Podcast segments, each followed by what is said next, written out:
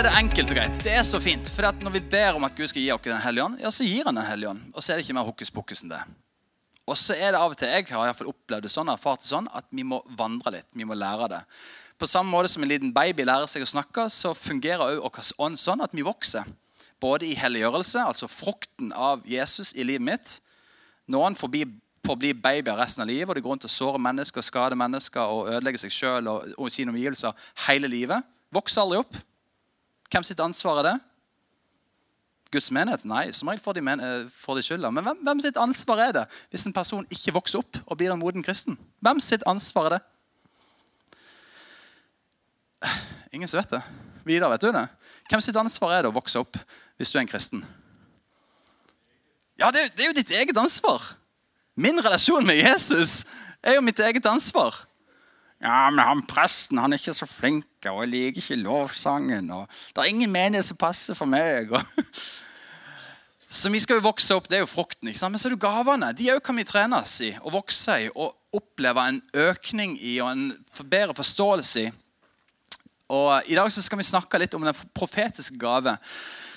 Eh, og jeg har studert litt, og det er litt vanskelig. for at, som sagt, Vi prøver å sette Gud i en boks, og det finnes mange forklaringer og litt sånn, litt sånn teoretiske bilder på at ja, dette er, dette er, de gavene. og Vi kan dele inn i de ni gavene fra, den, fra de her um, nådegavene som Den hellige ånd gir. Så kan du se det tre og tre og tre. liksom, at Det er liksom gjerningene, altså trosgaven, det er undergaven og det er helbredelsesgaven. Det er liksom en av de tre. Og så har du på en måte det å skille ånder, visdomsord og kunnskapsord. Det er en av de kategoriene. Og så har du tungetale, og du har uh, den profetiske tale, og du har tydningen. Det er den andre tredje greina. Liksom. Og ja, men så ser jeg det i mitt eget liv og blant andre liv og i praksis at det her flyter litt allikevel. Det er litt vanskelig å sette det inn i bokser. Sånn er det. Så jeg skal egentlig ikke gjøre det i dag. Jeg skal egentlig bare snakke litt konkret om det her med profetisk tale.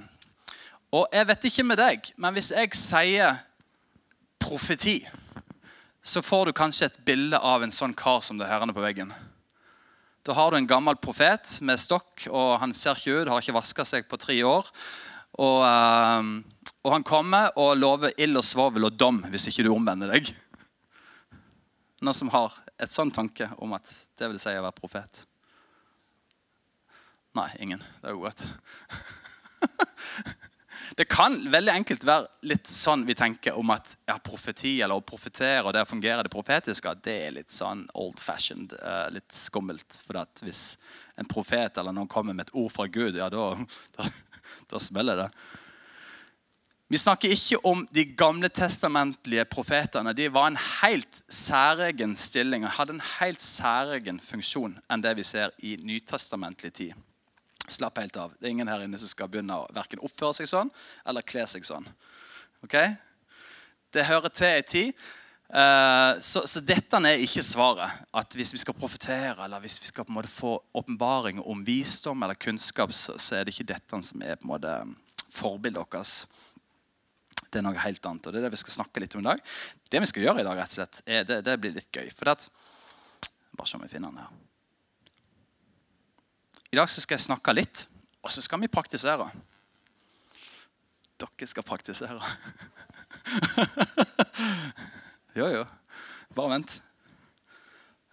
For det står i første Korinterbrev. Få det opp på veggen. Hva står det der? Jo, det står For dere kan alle tale profetisk én etter én, slik at alle kan lære og alle blir formant. Hvem er det som kan profetere? Hvem, hvem? Dere må gi litt feedback her. Jeg, jeg klarer ikke å stå her og se det helt dødt. Hvem, hvem kan profetere ifølge Bibelen? Bagda? Ja, for han skriver jo til en menighet her. ikke sant? Alle troende kan profetere. Alle. Nei, det tror jeg ikke på. Det har aldri jeg opplevd. Men da må vi definere litt hva vil det si å profetere. Hva vil det si? Hva, hva, betyr det, da? Betyr det at du er sånn spåkone eller trollmann som sitter og ser framtida? Nei, det, det, er ikke det egentlig Paulus snakker om herrene.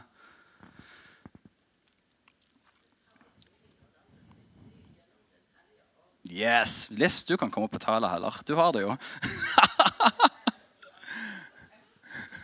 Det er så bra. Vi kommer til det.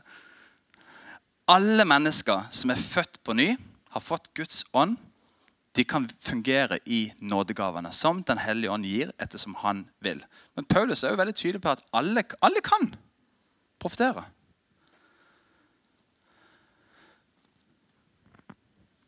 Profetisk tale, det å profetere over mennesker, eller til mennesker, det er at Den hellige ånd gir oss en overnaturlig gave til å høre.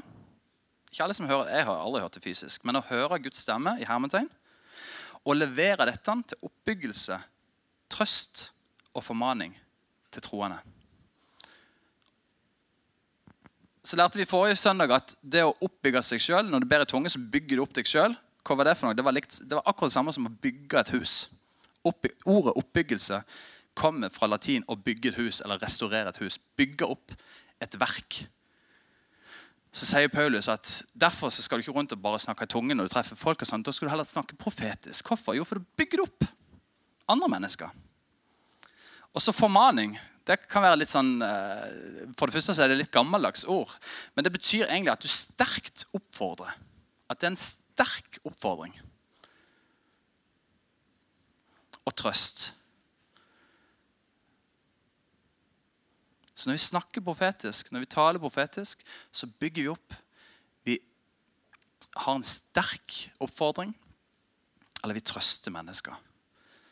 Så dette er til menneskers beste. Det er fantastisk godt. Det er noe som hjelper den enkelte troende eller en menighet for den saks skyld. Så det å profetere handler ikke bare om å forutse noe som kommer. Det er ofte det vi har liksom i tankene, at det handler om å snakke om noe som kommer. Når Paulus underviser om å profetere, så handler det rett og slett om å snakke ut ifra hva Guds ord sier.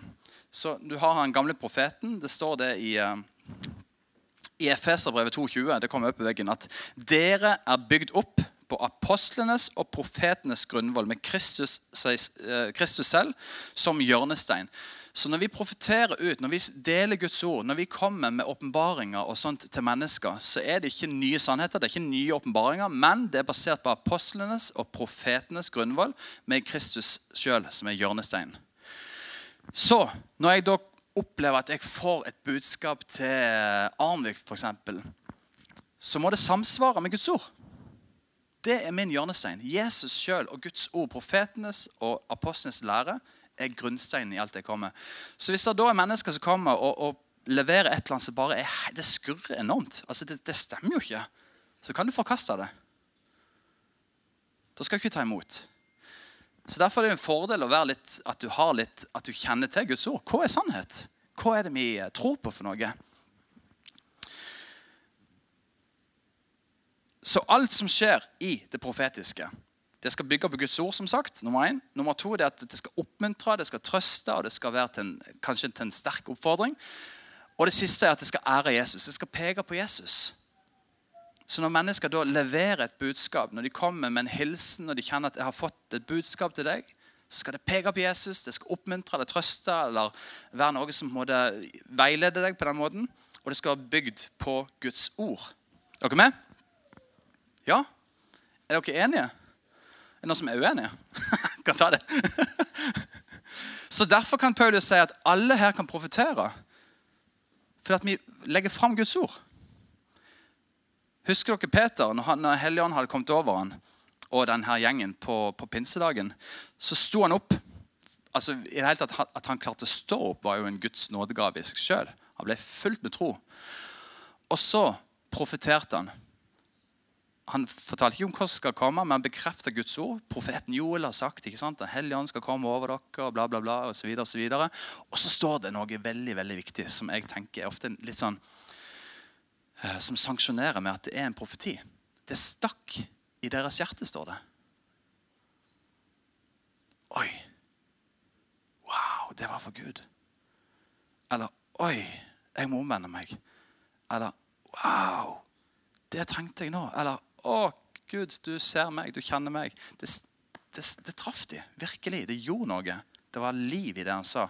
Han profeterte ut Guds ord, og Den hellige ånd stakk de i deres hjerte, står det. Så spørsmålet er da hvordan skal vi profetere? For Jeg kan jo bare gå rundt og dele ut traktater med bibelvers. Vil det si å profetere? Nei, ikke egentlig.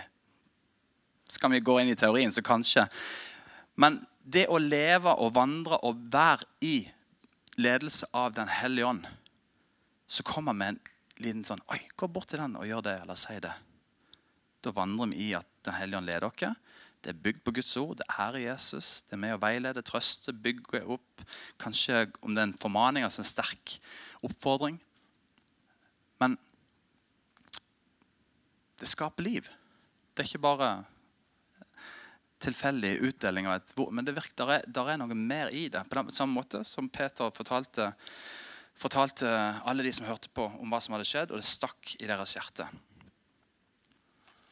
Og de her gavene som ofte, i hvert fall av min erfaring, de gavene som, som, eh, som fungerer litt i det profetiske, handler om visdomsord, kunnskapsord,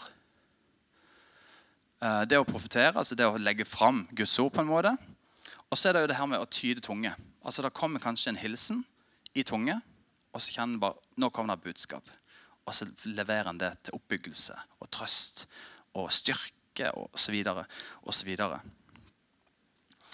Men det som ofte er en gjenganger blant mennesker som ikke er så veldig vant til å fungere i dette, eller ikke vant til å høre så mye om det, eller aldri opplevd å praktisere det sjøl, er at hvordan, hvordan, i all verden skal, Tenk om det ikke er meg? Tenk om det er meg? Tenk om det ikke er Gud? liksom? Tenk om jeg gjør feil? Jeg husker, jeg, når jeg begynte så vidt å, å kalle leger litt med de her tingene og prøve meg litt fram, så, så var det en som sa til meg det at det fine med det er at om det var deg, så er det, du har et sikkerhetsnett, og det er at det er Guds ord. Det er jo Jesus. Så om det ikke, må det ikke være på en måte egentlig Gud som ville at du skulle bort og si at Jesus elsker deg, den personen, så det skader ikke å høre at Jesus elsker deg. ikke sant? På samme måte som at uh, du uh, jeg, ja, jeg, var på konferanse nå i, i vinter. Uh, meg og Rasmus og, og Espen var i Oslo. Og så husker jeg vi var på, på LED-konferansen. Og så så sto jeg i lovsangen, det var ettermøte, folk ble bedt for alt mulig. Så jeg bare, oh, Gud, jeg har lyst til å bare velsigne noen. Jeg har lyst til å bare gi et eller annet oppmuntringsord til noen her. Og så tenkte jeg, nå skal jeg bare kikke rundt, og så må du bare highlighte, vise meg en eller annen person som jeg skal gå bort til og oppmuntre på en eller annen måte. Så snur jeg meg rundt på en måte i salen, og så ser jeg plutselig en mann som bare i mitt indre utmerker seg. Den er det. Og så, eh, så, så tenker jeg OK, Gud, nå har nå har jeg på en måte fått personen. Hva ønsker du å fortelle den personen? Så får jeg et bilde av en traktor. That's it. Og så tenker jeg, ja, Det er jo ganske trygt, for han, alle, alle det var kristne. ikke sant? Så det, er, og, ja, det, er en trygg arena. Det er litt mer sånn, Du kjenner blodpumpa går litt mer hvis det er på Kiwi. liksom. Uh, men det er en fin arena å prøve seg i. Så jeg gikk bort til denne karen og så sa jeg, du, uh, jeg tror jeg har fått et ord fra, fra Gud til deg. Det er viktig. Du går ikke bort og sier 'Så sier Herren'. Det får du ikke lov til, altså. Så sier Herren, du skal gifte deg med Nei, nei, vet du hva? Du, du sier ikke sånn. Vær ydmyk, altså. Legg det fram på Jeg opplever at, eller jeg tror at, jeg, jeg kjenner på at Vær ydmyk. For feil kommer vi til å gjøre. Så jeg sa du, jeg opplever at jeg har fått et ord fra Gud til deg. Kan, kan jeg få lov til å, eh, å, dele det med deg? Ja, ja, selvfølgelig. Så kom han ut av benkeradene og, og sånt. Og så jeg, jeg, fikk bare et bilde, sa jeg. Det er ofte sånn jeg får på en måte ord fra Gud. på en måte. Jeg fikk et bilde. Å ja, hva er det for noe? En traktor. Å. jeg tror han ble litt skuffa. Han var sikkert en liksom personlighetstype. Han ga ikke så mye av seg sjøl. Han, han jobba ikke så mye med meg, kan du si, så jeg sto der litt på sånn tynn is. følte jeg. Men jeg sa at uh, jeg, fikk, jeg, fikk, en bilde av en traktor. Ja, ok, ja. Men hva, er det noe som Nei, det var ikke noe sånn spesielt. det liksom. Nei, ok. Kanskje jeg bare kan få lov til å be for deg, og så kan vi se om det kommer noe mer. Ja, ja, helt opp. Og så begynner jeg å legge hendene på skuldrene og begynne å be for han, og så Uh, og så I det jeg ber for han, så ser jeg at dette bildet begynner å bli litt mer en film. på en måte. Det begynner å bli levende for meg da, mens jeg ber for han. Så ser jeg plutselig at han har, har et svært sånn instrument bak seg da, som driver på å velte rundt jorda. Noen som vet hva det heter for noe? Dere som er bøn, bønder? Plog? Ja, jeg vet ikke. Det er en sånn ting som rullerer, som snur jorda, som en må gjøre for å få jeg vet ikke, jeg kan ikke de greiene. det er iallfall en god ting å gjøre som bonde. Og så, så sa jeg ser for meg at, at det er en sånn ting da, som bare velter rundt jorda bak denne traktoren. Og så er det noe spesielt du står i hjem, der hjemme du er i. Ja, vet du hva? Vi, vi, står i en veldig tøff fase som menighet, der vi opplever at Gud snur opp ned på ting. Ja, så Kan det være at du har en ledende eller en funksjon i dette? Ja, han var nok en av de som på en måte fronta dette. da. Det handler om fornyelse. Det handler om ja, veldig mye sånne ting. da. Ok, ja, men da, da ber vi om at Gud bare skal hjelpe deg. Og så, så Det begynte med at jeg, jeg var villig. Jeg tar Gud, jeg har lyst til å gi et eller annet til noen her nå. Og så får jeg bare plutselig et bilde og en person. Går bort, leverer det i ydmykhet. Og kjenner òg at eh, det traff liksom kanskje ikke helt og så begynner jeg å be, og så blir det levende for meg. Og så plutselig ser jeg bare what? Her, her kan jeg være med og oppmuntre. Og Jeg vet ikke om dere har fått noen sånne ting før. Om det er et bilde, et ord, om det er en sang som blir sendt. altså Noen blir minnet på at de skal gi et eller annet. Om det er et Guds ord, eller uansett hva det er for noe. Men vet du hva, det er veldig ofte, om det er på en måte spot on, eller om det er litt sånn generelt, så er det ofte utrolig godt. Du kjenner bare Nei, Gud, han ser meg. Han er med meg. Han hjelper meg. Han er for meg. Så kan det være noen ganger at noen kommer med et formanende ord. Det er ikke alltid så gøy. Det kan være pappa som sier 'Du, Kristoffer' Jeg tror ikke han har gjort det, bare dikte nå. jo, han har sikkert formant meg opp igjennom. Men jeg har vært ganske snill gutt. Uh, men si da at han sier 'Kristoffer, uh, måten du lever på nå, det, dette er ikke bra' dette bærer ikke god frukt hvis du fortsetter dette. Så kan det stikke av mitt hjerte. Og så veldig ofte pleier vi å bare Whatever. Jeg vet best. Eller at det er noen andre i livet ditt som blir minnet på at å komme med et ord som opplever litt sånn at nå kommer du litt inn på territoriet du ikke har noe med å gjøre. Men Bibelen er tydelig på at Gud bruker mennesker i vår menighet, ledere, foreldre, whatever, som kan komme inn og levere et sannhetsord som ikke bare er til trøst, som ikke bare er til oppbyggelse, men som er til formaning. Altså en sterk oppfordring. Dette bærer ikke god frukt. Og da har vi et ansvar. For da kan jeg velge å være ydmyk og innrette meg i det. Eller jeg kan velge å leve i opprør og bare jeg avviser det. Jeg vet best. Nei, dette føles greit ut. Jeg gidder ikke. Jeg vet ikke helt hvorfor jeg sa det, men kanskje det var til noen her. Kanskje det var et profetisk ord.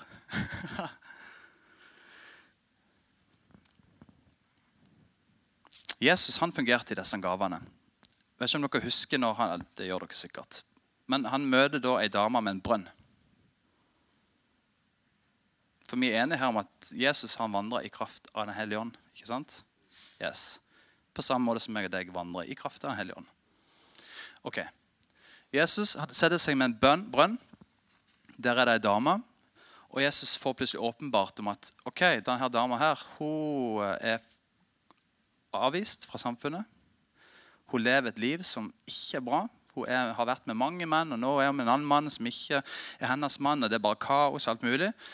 Så Jesus leverer et kunnskap, så han får kunnskap. Han får kunnskap om noe han egentlig ikke kjenner til, som Gud har meint til liv og velsignelse ved denne dama. Så han leverer dette ordet. Jeg ser at Og hun bare What? Hun kunne jo da valgt å bare avvise det. Men for hennes del så satt han i frihet. og opplevde et kyss ifra himmelen. Den andre tingen er Jesus er ute, ser for meg på et marked, og, sånt, og da kommer plutselig en gjeng med prester og kaster ned ei dame. Nå har de tatt henne på fersken. Denne dama her, hun har vært utro. Jesus, altså De var ute til å ta henne hele tida. Jesus, hva skal vi gjøre med henne? I loven, du vet, loven, der står det at vi skal steine henne. Hun skal dø. Hun fortjener dødsstraff. Og Jesus han levde jo i, han levde jo til loven. Han var en jøde. Loven var jo sånn sett god, kan du si. Men Jesus kom for å lage reform. Men han var fremdeles under loven. Så hva gjør vi nå? Loven sier jo død. Men Jesus kom jo med et skille og noe annet. Så her, her trengs det visdom. Jesus setter seg ned, og han tegner et eller annet på marka. Jeg vet ikke hva Det er for noe. Det er mye flotte historier og interessante fortellinger om hva han skrev. for noe, vi vet ikke. Han tegnte et eller annet. Kanskje det var en smiley. Jeg bare tuller. Han tegner i sanda, og så sier han og han tenker, Et fantastisk eksempel på et visdomsord. Han får en overnaturlig kunnskap gitt av Gud som er med og setter et menneske i frihet. For den første her inne kan kaste en stein hvis dere er syndfrie. Altså Den som er uten skyld, kan kaste en første stein. Og på den måten så setter han nok et menneske i frihet.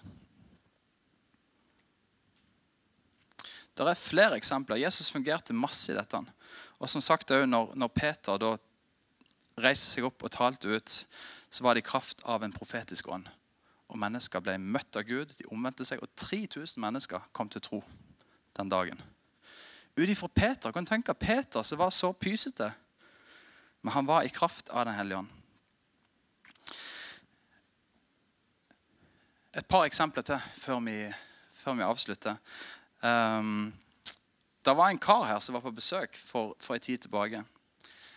Som jeg hilste på, og Etter møtet så takket han godt for talen. og det var fantastisk å være her og alt mulig. Og så, av en eller annen grunn, så har, Jeg vet ikke om han har hørt på podkast, eller hva for noe, men av en eller annen grunn så har han fått med seg at jeg liker de sånne ting som har med kunnskapsord, visdomsord og profetering og sånt. Jeg vet ikke om han har sagt det så mye, men han hadde fått det med seg.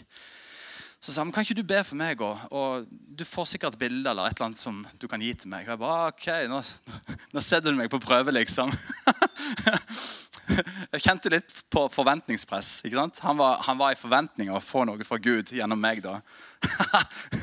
det, det, er ikke så ofte jeg uh, ja, Jeg pleier ikke å sette meg sånn i, i sånne situasjoner så ofte.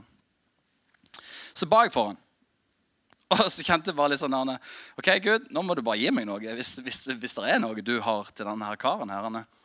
Og så Idet jeg ber for han, så kjenner jeg bare en sånn overveldende følelse av sår og avvisning og eh, et mørke. Og Det er ikke noe jeg pleier å bære på til vanlig, sånn, men jeg kjente bare en sånn overveldende følelse av de her tingene. Og Jeg følte det var litt drastisk, litt voldsomt, så jeg, jeg kjente ikke en veldig frimodighet til å bare Ja, ser du er avvist, og jeg, jeg, var ikke helt der. Jeg, jeg, er ikke så rutinert i det her, selv om jeg, noen tenker det kanskje. Han gjorde det. Men så tenkte jeg bare, i, i det jeg kjente på følelsene, så, så, så jeg bare et bilde. og Det var en tunnel, en lang tunnel. Og Jeg følte at jeg sto inne i tunnelen. Og så så jeg bare et lite lys i enden av denne tunnelen. Så sa jeg det til han. Du, jeg opplever at jeg, jeg ser du står i en tunnel, og det er mørkt og det er kaldt. Men så ser jeg at det er et lys. Du nærmer deg en åpning. Du nærmer deg utgangen. Akkurat som det er en sving, og det begynner å skimte lys i veggene. her.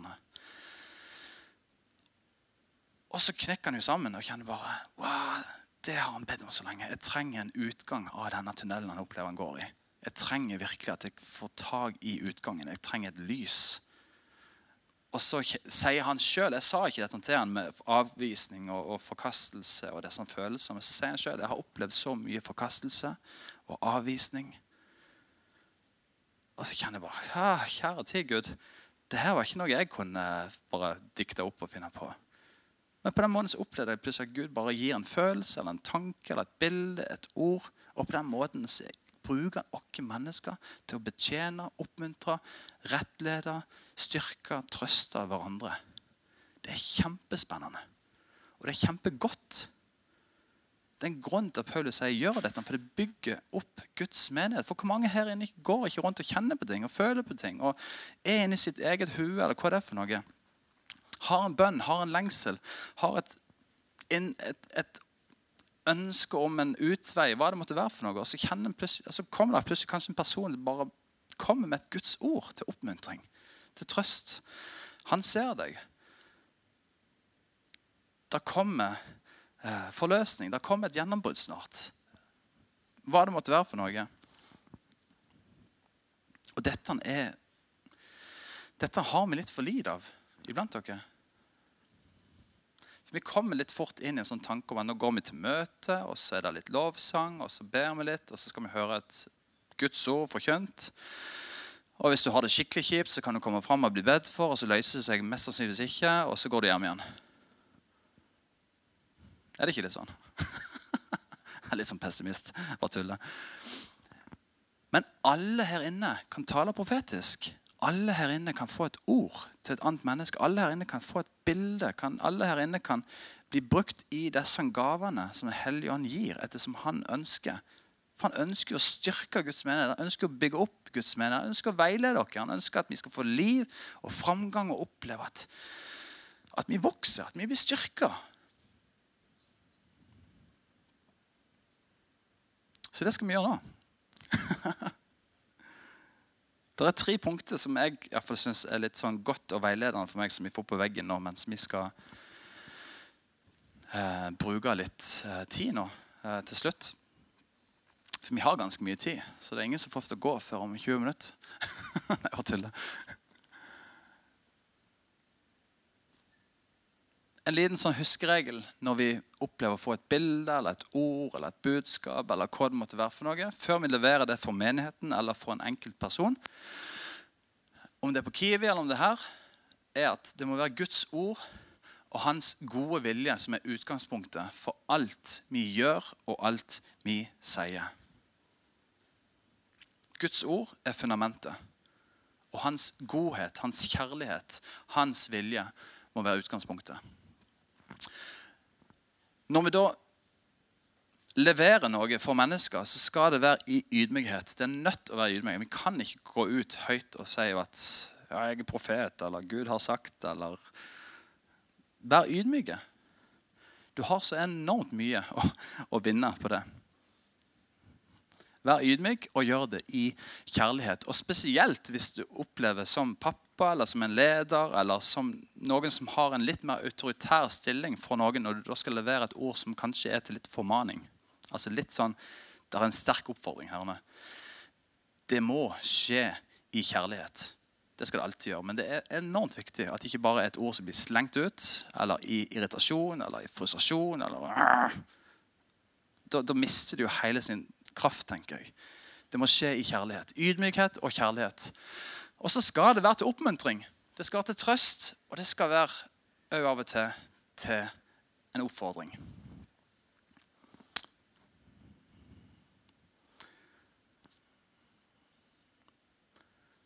Er dere klare? Tror dere at, dere at Gud kan bruke dere? Tror dere at Gud kan tale til dere? At han kan gi dere noe som oppmuntrer andre mennesker? Ja. Det kan han. Det, det handler ikke om hvor du har vært hen i livet. Det handler ikke om hvor du var i går. Det handler ikke om hvor lenge du har vært en kristen. Det handler ikke om hvor, hvor mange talenter du har. Det handler ikke om dine erfaringer. Det handler ingenting om de tingene. For det er ikke dine gaver. Det er Gud som gir dem ettersom han ønsker. Som vi lærte forrige gang, så som jeg tror det var Arnfinn Clemetsen som jeg siterte. Det å bli brukt i nådegaver handler ikke om verken posisjon eller åndelig modenhet. Dette handler om at jeg ønsker jeg ønsker å være villig, jeg ønsker å bli brukt av Gud. Jeg ønsker å være til oppmuntring for andre mennesker.